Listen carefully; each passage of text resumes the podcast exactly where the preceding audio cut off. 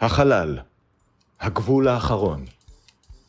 זהו מסעם של עידן זיירמן וארז רונן. משימתם, לצפות בכל הפרקים של סטארט-טרק לפי סדר כרונולוגי, לדבר עליהם ולצעוד בעוז למקום בו אף אדם לא צעד מעולם.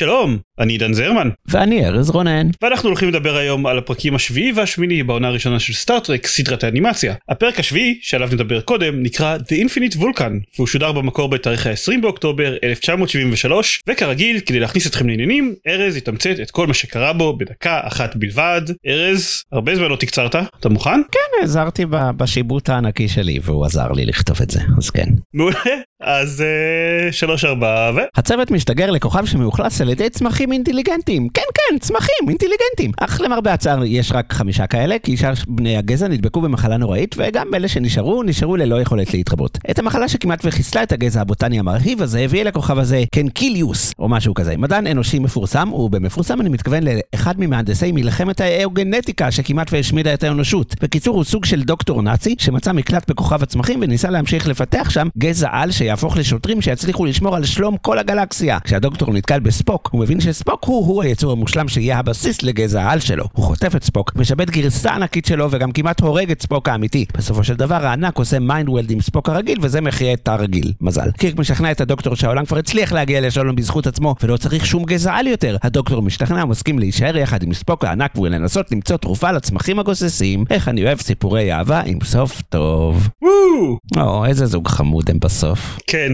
ממש. קניקליוס, או קניקילוס, או איך שלא אומרים את זה, וספוק 2. כן, ספוק 2 זה קל, נראה שזה קניקילוס או משהו כזה, כן. אבל אומרים את זה בשתי דרכים שונות במהלך הפרק, אז גם הם לא היו בטוחים. כן. איי, מה אומר ומה אגיד? מה תאמר ומה תגיד? אני יכול להתחיל עם שיעור תסריטאות? סבבה, כולם אוהבים שאתה עושה שיעור תסריטאות. נכון, ואני בטוח שעשיתי בדיוק את השיעור הזה פעם, כי אני לא נראה לי שזה הפעם הראשונה שזה קורה, אבל כאילו אחד מהדברים שמגדירים סיפור זה שדבר מוביל לדבר. כאילו הדבר הזה קרה כי הדבר הקודם קרה, והוא קרה כי הדבר הקודם קרה, וכו' כן, וכו' וכו'. אתה אמרת את זה בתגובה על אחד מהפרקים, נראה לי ספוקס ברן או משהו כזה, שבהם דבר לא הוביל לדבר. נכון, אז שידור חוזר, רק הפעם באנימציה. היו בפרק הזה מלא דברים, מלא דברים, המון המון מלא מלא דברים, ואף אחד מהם לא היה קשור לקודם. כן, וזה היה מאוד טיפשי. כן, אבל אני רוצה להגיד, זה היה כיפי. זה היה טיפשי אבל טיפשי כיפי, בניגוד לנניח ספוקס בריין, שהוא חולק איתו עוד דברים, חוץ מזה שהתסריט הוא מפוזר באותה מידה. בשניהם יש מכונה שלוקחת לספוק את המוח, וזה הכי מוזר שירצו לחזור על ה trope הזה. אבל בניגוד אליו, הוא היה כיפי. זה היה מטופש מאוד, אבל בלי להיות מעיק. אני לא יודע בדיוק איך לתאר את זה. מה ה quality שהייתה לפרק הזה שבגללה זה לא היה נורא. זה היה כמו B movie כזה. B movie טוב. והוא היה קצר, ותכלס, אני כן אגיד שהסוף שלו, שפשוט קירק אומר כאילו, אה, אבל כבר, כבר הגענו לשלום עולמי, הכל בסדר. ואז הקניקולוס הזה אומר, אה, טוב, אוקיי. זה כאילו היה סוף ממש חמוד. אבל די מטופש. כמו כל שאר הפרק. יופי, בסדר, כן, הכל, הכל היה מטופש. בוא נשאיר את המדען הזה, את המדען הרצחני הזה, ביחד עם גרסה ענקית של ספוק על הפלטה. מה כבר יכול לקרות? כן. נעזוב אותם בשקט, בטח. הכל יהיה בסדר. כן. הם יצילו עצים. כן, כל התוכנית הזאת היא מאוד מטופשת, של אה, להשליט סדר בגלקסיה בעזרת גרסה ענקית של ספוק. לא ברור למה המדען הזה ציפה באיזשהו שלב שזה יעבוד, וגם קצת כמו ב- בעונה שלוש של הסדרה, כל הרעיונות הכן מעניינים שיש בפרק, אז הפרק לא עושה איתם כלום. נניח בסדר, דיברנו על השכפול של ספוק הענק וכזה. יש את הקטע שכל החייזרים על הכוכב הזה הם צמחים. נכון. זה לא איך, מה המשמעות של זה? כאילו, אין לזה שום משמעות. יש להם שש ידיים והם צמחים אבל עדיין כשקרק רוצה לתפוס אחד מהם הוא מחזיק לו את הידיים כל השש סימולטנית איכשהו וחונק אותו. איך אתה צמח? הוא צמח מגניב, מה אתה כן, רוצה? כן ואז הם מותקפים על ידי דרקונים צמחים דרקונים נכון, יש גם את הדרקונים האלה שחוטפים אותם, שכחתי מהם. שהם דרקונים אבל אוקיי בסדר הם צמחים סבבה קיבלנו את זה. זה רעיון של מגניב שלא עשו איתו שום דבר. וטוב אין לי האמת אין לי המון מה להגיד על הפרק הזה זה פרק כיפי אבל זה פרק מאוד מאוד מטופש בלי המון ערך מוסף ונהניתי אבל הוא היה מטומטם. כן, אני מאוד מסכים. אני מאוד מסכים. הוא היה מאוד מטומטם, אבל נהניתי. סבבה? אז נעבור אה, לבחור סצנה אהובה? בוא נבחר סצנה אהובה. יאללה, ארז, מה הסצנה האהובה עליך? אה, היה את הרגע לקראת סוף הפרק שאמרתי, טוב, הם עשו כל כך הרבה שטויות לא קשורות אחת לשנייה, כאילו הם לא יצליחו להפתיע אותי פעם נוספת. ואז נכנס ספוק 2. פשוט מציגים את ספוק הענק שם, ואמרתי, אוקיי, זו הסצנה האהובה עליי. סבבה. אני מאוד רציתי לבחור סצנה שהיא לא מטופשת, רציתי לבחור סצנה טובה, אה, למרות שהפרק מטופש. אבל אז גילית שלא היו כאלה? זהו, אבל לא, הדבר שהכי התקרב לזה זה הנאום של קרק לספוק 2 שמסביר לו למה יש שלום ולא צריך את כל התוכנית המופרכת הזאת, מה שמשכנע אותם בעצם של לנטוש את התוכנית המטופשת שלהם, אבל הוא לא היה נאום מספיק טוב. אז בהיעדר זה, אז עברתי לברירת המחדל שלי, הסצנה שהייתה לי הכי מטופשת, והיא שהצוות נלחם נגד החייזרים הצמחיים בעזרת קוטל עשבים, שזה משהו ש... שלא, אף אחד לא בחר את mind meld שאיכשהו מצליח לפתור שוב את המצב בלי שום הסבר הגיוני. כן. הוא כאילו התניע את ספוק הקטן כמו שמתניעים רכב עם כבלים פשוט עם mind meld זה היה בערך כזה כן. אבל בסדר. אני רק רוצה להוסיף אגב זה לא סתם קוטל חלקים זה קוטל חלקים שמקוי השתמש בו בחווה שלו בכדור הארץ. בסדר גמור. ועובד על הצמחים החייזריים האלה על החייזרים האלה שהם יש צמחים. לו ניסיון רב למקוי וטוב שכך. כן. עובדה שזה עבד. טוב בואו נעבור עכשיו לפרק השמיני עונה ראשונה של סטארטרק הסדרה המקורית. יאללה בוא. הפרק נקרא The Magicks of Megas-Tu הוא שודר במקור בתאריך ה-27 באוקטובר 1973 איזה יופי נגמרה מלחמת יום כיפור ושוב ארז יתמצת את כל מה שקרה בו בדקה אחת בלבד ארז לך על זה. כן יאללה. האנטרפרייז מחליטה לחקור את נקודת המוצא של המפץ הגדול כדי לנסות להבין מה גרם לו. איזה טמבלים הרי זה ידוע לכל דרדק שמה שמסתתר בנקודת המוצא של המפץ הגדול זה שער בין מימדי לממד בו חוקי הפיזיקה לא עובדים ובמקומם שולטים כוחות קסם. מה מה לא ידעת? בכל מקרה כשהצוות מגיע למימד החדש הם פוגשים שם שדון חמוד בשם לוסיאן שמסביר להם שהם הגיעו ליעד כוכב הלכת הקסום מגה סטו אבל שהם צריכים מאוד להיזהר שם ושבאופן כללי כדאי להם ללכת. במקום ללכת הצוות של האנטרפרייז מגלה שאם הם ממש מתרכזים הם יכולים לעשות קסמים אז הם פשוט מתאמנים בקסם מה שגורם לקוסמים שחיים במגה סטו לשים לב אליהם ואז ללכוד את כולם. למה ללכוד? כי מסתבר שפעם הקוסמים האלה חיו על כדור הארץ אבל אז התחילו לשרוף אותם על המוקד כי הם היו מכשפות. קירק משכנע את הקוסמים שהאנושות התקדמה ואפילו לא מרשה להם לחסל את לוסיאן גם אחרי שהם אומרים לו שהוא בעצם השטן או משהו כזה. ת, ת, תזרמו איתי פשוט עדיף עדיף לא לשאול שאלות. בכל מקרה הקוסמים סולחים לאנושות על סיילם ומחזירים את קירק והחבר'ה ליקום שלהם. איזה סוף קסום. זה היה יותר מטופש בפרק עם הצמחים התבוניים וספוק בגובה לא, שבע מטר. אני אגיד שזה היה יותר מטופש אבל הרבה יותר אהבתי את הפרק הזה אני מודה. באמת? מעניין. כן. אני לא אהבתי את הפרק הזה, אני מצטער. זה, לא. די היה Arena שמראים לחייזרים האלה שהם לא פראיים על ידי זה שהם חומלים על מישהו שהוא בבירור רע וחוץ מזה שזה היה Arena זה גם היה הפרק עם המערב הפרוע של Specter of the Gun שזה pretty much אותו דבר אז אני לא יודע כבר כמה פעמים אפשר להשתמש ב plot point הזה של כאילו אוי פעם היינו ברברים אבל תראו עכשיו אנחנו חומלים על האויב שלנו ואתם משתכנעים שאנחנו טובים אבל הוא לא הוסיף משהו מעניין על זה הוא סתם היה מאוד מטופש עכשיו ואם כבר אנחנו עושים דברים מאוד מטופשים אבל כיפים אז אני מעדיף דברים מטופשים שלפחות הפואנטה שלהם חדשה. הפרק קודם שהיה מאוד מטופש לפחות המסר שלו היה אתם לא צריכים כוח שיטור בין גלקטי אנחנו מסתדרים בינינו. זה כאמור היה כבר מסר שאנחנו ראינו פעם. אז לא יודע תשכנע אותי למה נהנית מהפרק הזה. קודם כל מעניין אותי שהוא הזכיר לך את הפרקים שאתה אמרת לי הוא מאוד הזכיר את הטרופ של אה, נפגשים בישויות אלוהיות שפעם גם היו בכדור הארץ. הפרק עם, אה, עם אפולו הוא הכי אה, הכי הזכיר לי את הפרק הזה. כאילו גם לחקור קצת את ההיסטוריה של כדור הארץ לנסות לראות איך זה מתחבר וכו' ואני מודה שיש לי כנראה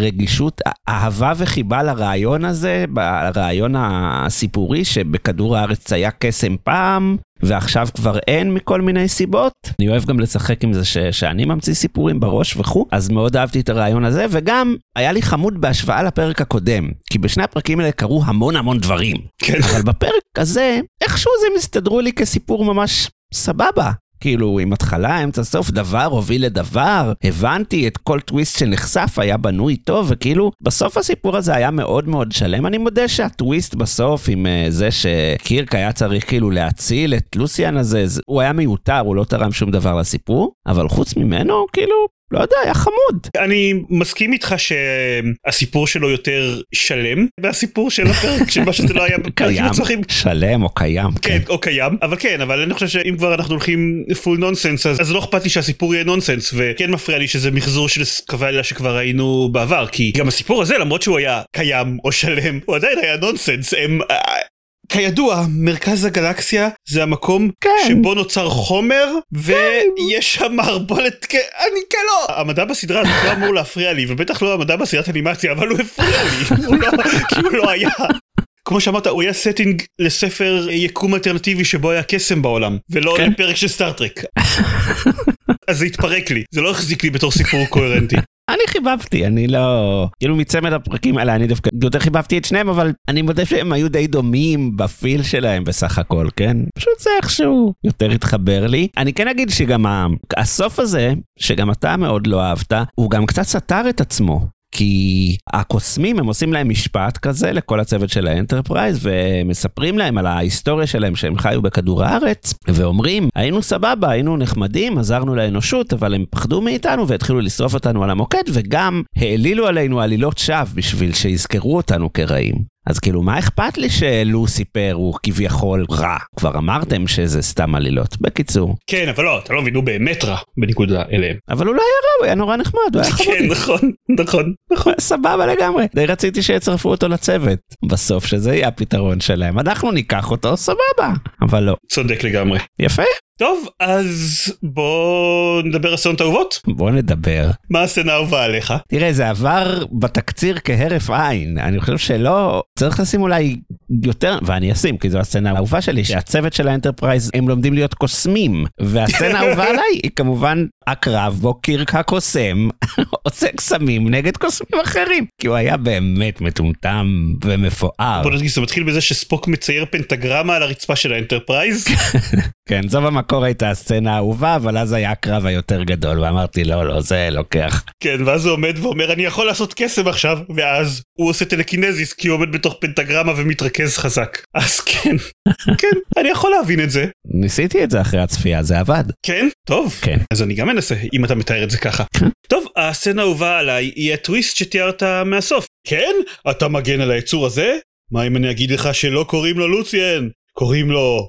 טם טם טם טם טם טם טם טם טם. לוציפר! הא פעם פעם פעם. כן, זה אחד מהטוויסטים הדרמטיים, הכי לא טוויסטים מאוד דרמטיים שהיו בסדרה. כן. אבל אהבתי, אהבתי את נכון. הדרמטיות מסביב לזה. בבירור זה נעשה בשביל לתת, אה, שיהיה לזה המון אה, אימפקט אמוציונלי. כן, כן, זה לא עבד, אני פשוט התעלמתי מה- מהטוויסט האחד הנוסף הזה, ו... והפרק עובד יותר טוב בלעדיו. טוב, גם הסצנות האהובות של הפרק הזה וגם הסצנות האהובות של הפרק הקודם יעמדו למבחן, יש שיגידו משפט, שהגורל שלהם ייקבע בו, והסצנה שתציל את לוסיאן היא זאתי שתזכה, לא סתם, אה, אנחנו נעלה שני סקרים בקבוצת הפייסבוק שלנו, צופים בין כוכבים הקבוצה, ואתם תוכלו להצביע איזה סצנה אתם אוהבים יותר, או להציע אחת משלכם. נראה אתכם. כן. באמת, תציעו, בואו, בואו. בהצלחה עם זה. כן, בדיוק. טוב, נעבור לפינות טריוויה. אז הפרק קודם שדיברנו עליו, The Infinite Vulcan, הפרק עם ספוק הענק, ספוק 2.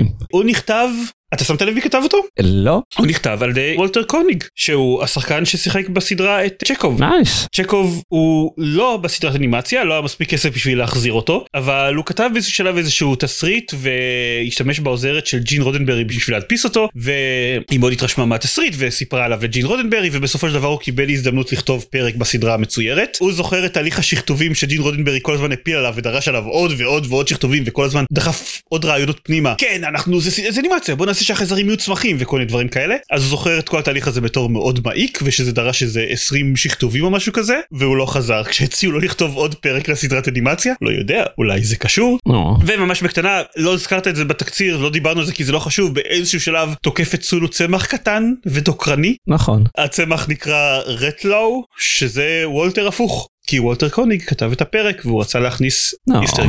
יאללה. ממזר. כן, משהו אחרון לגבי הפרק הזה, בפרק מוזכרים הקזינטי, זה גזע שאנחנו לא פגשנו, הוא נוצר על ידי לארי ניבן בספר הערך שלו, וזה גזע שקיים ביקום של סטארטרק. זה לא מהדברים האלה שמזכירים פעם אחת ולא חוזרים אליהם יותר אף פעם. אנחנו עוד נשמע עליו. Mm, בפרק השני עם הקוסמים The Magics of Megas 2 כאן יש לנו יותר טריוויה קצת. הפרק נכתב לא על ידי מישהו שהיה שחקן על ידי בחור שנקרא לארי ברודי. הוא כבר הציע את הרעיון של הפרק לעונה 3 של הסדרה המקורית וזה לא הצליח. כנראה בגלל שהבוסים ב-NBC לא רצו או שהפרק שהוא הציע לא היה מספיק מוצלח לא ברור. אבל הוזמן על ידי דיסי פונטנה לכתוב פרק עבור סדרת אנימציה ואז הוא הציע פחות או יותר את הרעיון הזה שוב הפעם בפני ג'ין רודנברי ישירות. Mm. וג'ין רודנברי חשב ש... זה שהאנטרפרייז תפגוש את אלוהים זה ציטוט אבל לא ברור אם זה ציטוט אמיתי של ג'ין רודנברי או שזה פרפרזה של לארי ברודי עושה על הדברים שלו. הוא חשב שזה הרעיון הכי טוב שהוא שמע אי פעם ו... שהוא תמיד רצה לעשות פרק שבו האנטרפרייז פוגשת את אלוהים אבל תמיד טרפדו את זה ב-NBC והי אולי האנשים שאחראים על NBC בשעות הבוקר הם כן אפשר יהיה כאילו להחליק את זה דרכם. אבל כמו ששמת לב הפרק לא היה את אלוהים לא היה. אתה חד אתה בטח שמת לב לזה. אבל היה אחד, היה את השטן, זה קרוב. כן בדיוק נכון כן. נכתב התסריט. התסריט מזכיר באיזשהו מקום blinding flash of light הבזק אור מסנוור וב-NBC קראו את התסריט אז זה כזה לא אור מסנוור שמור לאלוהים. אתם יורדים מזה. אנחנו מוכנים שבמקום למצוא את אלוהים האנטרפרייז תמצא קסם. אז דיסי פונטנה סיפרה ללארי ברודי על השינוי היא אמרה החדשות הטובות זה שאנחנו הולכים לעשות את הפרק החדשות הרעות זה שאנחנו לא יכולים להשתמש באלוהים אבל דיברתי עם החבר'ה ב-NBC אנחנו כן יכולים להשתמש בשטן וזה נותן לך תמונה בראש של פחות או יותר איך נוצרה העלילה של הפרק הזה לארי ברודי אומר שהייתה לו תקרית מאוד מאוד דומה עם NBC הוא עבד על סדרה אחרת על תסריט לסדרה אחרת שנקרא Police Story שבו הרשת לא אהבה את זה שהוא כתב בתסריט ששוטר נשוי שוכב עם אשתו אה. אבל הם כן הסכימו לסצנה שבה הוא שוכב עם המאהבת שלו Mm, אוקיי. אז הוא. מצטט שהוא אמר כזה טוב אם אי אפשר להראות מין מוסרי ואפשר להראות רק מין לא מוסרי הגיוני שאפשר יהיה לראות רק את השטן ולא את אלוהים בסטארטרק אז זה הסיפור מאחורי היצירה של הפרק והצנזורה הטיפשית אני רק אסיים בפרט קטן שאתה בטח יודע אותו בלי שאני אגיד מי דיבב את לוסיאן לדעתך. לא יודע, התשובה היא כמובן השחקן של סקוטי שמדובב כל דמות בכל פרק שלו אוקיי. בצוות הראשי סבבה. כמובן אוקיי, אוקיי. לרגע חשבתי שזו השאלה המטופשת שלנו ונלחצתי. קרוב נבוא השאלה המטופשת שלנו אבל אוקיי. איזה איזה segue מגניב עשית לי היי מדהים השאלה שהיא כן השאלה המטופשת שלנו להשבוע היא את מי הקוניקולוס הזה היה צריך לשכפל בגרסה ענקית כדי כן להצליח בתוכנית שלו להשליט שלום ברחבי הגלקסיה אני ראשון? כן אתה ראשון אוף. את, את, את, את. טוב, אני אגיד אה, יאיר גולן. נראה לי שהוא טוב בדברים, והוא גם טוב במכות. וואי זה וסטארטרק אוהבים כאלה. אנחנו תמיד אומרים שזה בעתיד לעשות רפרנסים שהם רלוונטיים לזמן מסוים כי הפרקים עולים באיחור כן. מעניין עוד כמה פעמים דעת הקהל על יאיר גולן תסתפך בחודשים עד שהפרק הזה עולה. זה מעניין. כן. טוב אני אגיד שסבבה אז תשובה שלך די טובה אבל שלי התשובה יותר קנונית נראה לי אה, היו את החייזרים האלה מארנד אוף מרסי בעונה הראשונה של הסדרה המקורית שהשליטו שלום בין בני אדם לקלינגונים על ידי לחמם להם את כל הכלי נשק נכון. אז הנה זה נראה לי לא יודע לא צריך אפילו גרסה ענקית שלהם פשוט תיקחו אחד מהם וכאילו תכלס. אתה די מסודר בגדול אפילו לא צריך לשכפל פשוט תיקח אותו ותגיד אוקיי תכלס הוא הוא פשוט היה צריך לראות את הסדרה המקורית, והוא היה... כן. כל העצים האלה, הוא היה יכול להציל את העצים הרבה קודם. נכון זה היה טמבל. מסכנים העצים. לגמרי טוב נעשה עכשיו את פינת הטופ שלוש המתעדכן שלנו בוא נעשה. ונראה אתה אמרת שאתה חיבבת את הפרק השני את uh, The Magicks of Megas-Tu בוא נראה עד כמה חיבבת אותו הטופ שלוש שלך הוא במקום השלישי more tribbles more troubles במקום השני The Survivor הפרק עם איך קוראים לו החייזר משנה הצורה שהאנטרפרייז מצאה אי- שם הפילנטרופ הזה החמוד. כן במקום הראשון Yesteryear הפרק שבו ספוק המבוגר פוגש את ספוק הצעיר ואף אחד מהם מולו בגובה 6-7 מטר. אז האם The Magics of Megas 2 או The Infinite Vulcan נכנסים לטופ שלוש הזה? אה, לא. אוקיי דאגתי לרגע. אבל גם אני לרגע, אבל לא, לא. לא. אוקיי טוב אז זאת השלישייה שלך השלישייה שלי זהה רק שאצלי במקום השני יש את יסטר עיר ובמקום הראשון יש את The Survivor אני מאוד מאוד מקווה שיהיה לנו פה סיטואציית עונה שלוש של TOS שהשלישייה הזאת עם השינוי הקטן כן. בסדר עכשיו תישאר שנה אני אהבתי את The Magic of Vegas 2 פחות ממך אבל אני כן חשבתי להכניס את The Infinite Vulcan עם ספוק הענק. חשבתי לשים אותו במקום שלישי כי גם כי זה פרק מטופש וזה פרק מטופש אבל הוא לא באמת מצליח להגיע לרמות של פרק הטריבלים מבחינת כמה שהוא נונסנס מצחיק אני חושב נכון. אז נכון. הוא לא ממש שם אז בסוף לא הכנסתי אותו יפה מאוד, אני רגוע, נרגעתי. מעולה אז זה הכל הפעם יפה. עכשיו תכניס אותי לפאניקה עם השמות של הפרקים הבאים. קדימה. ובכן בשבוע הבא אוי, אנחנו אוי, אוי. ניפגש בשביל לדבר על פרקים 9 ו-10 של הסדרה המצוירת once upon a planet ומאד's passion. או, הפסיון של מד. תקשיב, היה לנו פרק אחד רע של מד ופרק טוב אחד של מד. כן. טכנית it could go either way. בוא נגלה בשבוע הבא, למרות שרק מהשם של הפרק Mudd's Passion זה לא נשמע טוב. בכלל, בכלל. אה, אבל בסדר, נראה. אנחנו נגלה בשבוע הבא, כן. תודה לכם שהקשבתם לנו, ותודה לך ארז, תודה לך, עידן. ותודה לספוק בגובה 7 מטר, תודה לספוק 2. ולהתראות. ביי ביי. ביי ביי.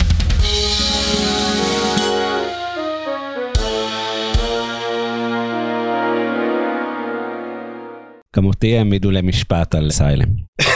נו, ואיך ניצלת את הריחמת על לוציפר? אז זה באשמתך בעצם? סתם, לא הייתי צריך, סתם יצאתי זכאי. אה, סבבה. אמרתי להם, עילת הסבירות בוטלה. בום, אני זכאי.